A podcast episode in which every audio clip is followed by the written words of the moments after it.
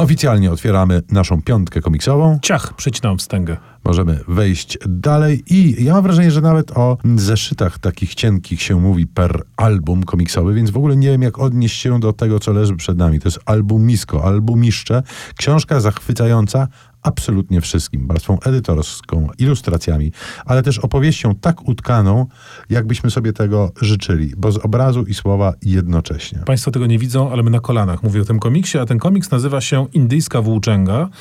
Potem ma rozwinięcie tytułu na taką y, y, starą modłę.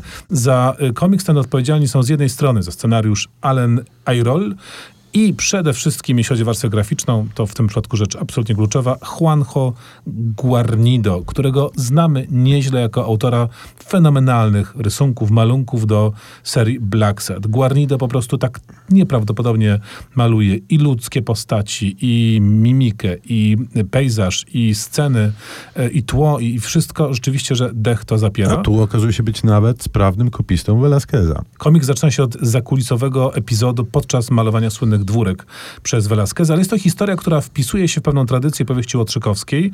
Jest jakby sequelem, jakbyśmy dzisiaj powiedzieli, ciągiem dalszym słynnej, no w Polsce mało znanej, chociaż przetłumaczonej na polski, y, powieści Łotrzykowskiej jakiego Francisca Quevedo.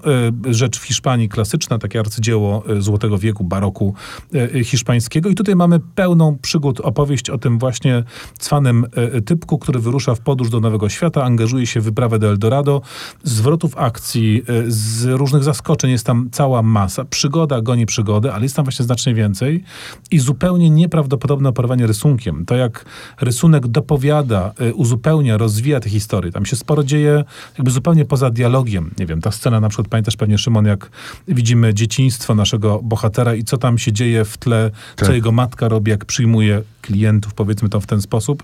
Y, bardzo dużo y, pomysłów graficznych, nieprawdopodobnych. Ja bym o tym mógł mówić długo, ale też nie chcę nie, nie będziemy psuć Państwu przyjemności e, czytania tej pełnej zaskoczeń i absolutnie cudownej do oglądania e, fabuły.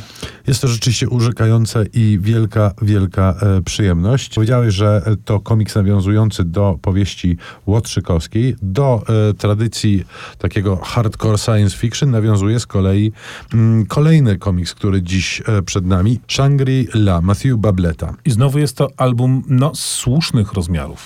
Słusznych rozmiarów i ja muszę powiedzieć, że zacząłem go czytać, jak tylko się wkręciłem, a wkręciłem się od razu, troszeczkę byłem ostrożny, bo bałem się, że oto e, dostanę taką wersję Walliego dla dorosłych, czyli komiks, który dzieje się w świecie science fiction, ale głównym jego tematem jest degradacja ekologiczna planety i nieokiełznany ludzki konsumpcjonizm. Na szczęście bardzo szybko zostałem wyprowadzony z błędu. To jest komiks, który podejmuje, będąc jednak rozrywkową opowieścią science fiction, niezwykle poważne, wręcz filozoficzne e, tematy dotyczące chociażby e, transhumanizmu, e, mówiąc najoględniej. Generalnie generalnie mamy do czynienia z firmą, która nazywa się Tianzu Enterprises i ona operuje kolonią. Wszyscy ludzie są dokładnie tak jak w Wolim, zamknięci w takiej latającej puszce, którym kilka innych puszek towarzyszy i dowiadujemy się, dlaczego tak się dzieje. Dlaczego już nie ma Ziemi, dlaczego nie ma innych planet. Okazuje się, że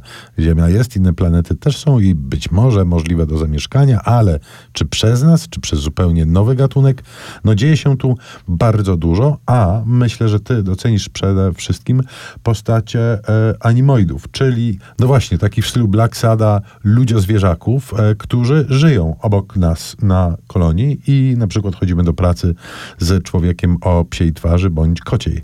E, I jakoś no nie jesteśmy my, homo sapiensi, dla nich najmilsi na świecie, to trzeba niestety podkreślić. Jednym słowem, mamy na razie dwa wspaniałe komiksy, które rzeczywiście przytłaczają nie tyle rozmiarem, ile jakością swoich historii i przede wszystkim tej warstwy graficznej. Tutaj, żeby złapać oddech, zróbmy krótką przerwę, ponieważ o science fiction mowa była, no to posłuchajmy klasycznej y, muzyki z klasycznego filmu Blade Runner, kompozycja Zimmera i Wolfisza.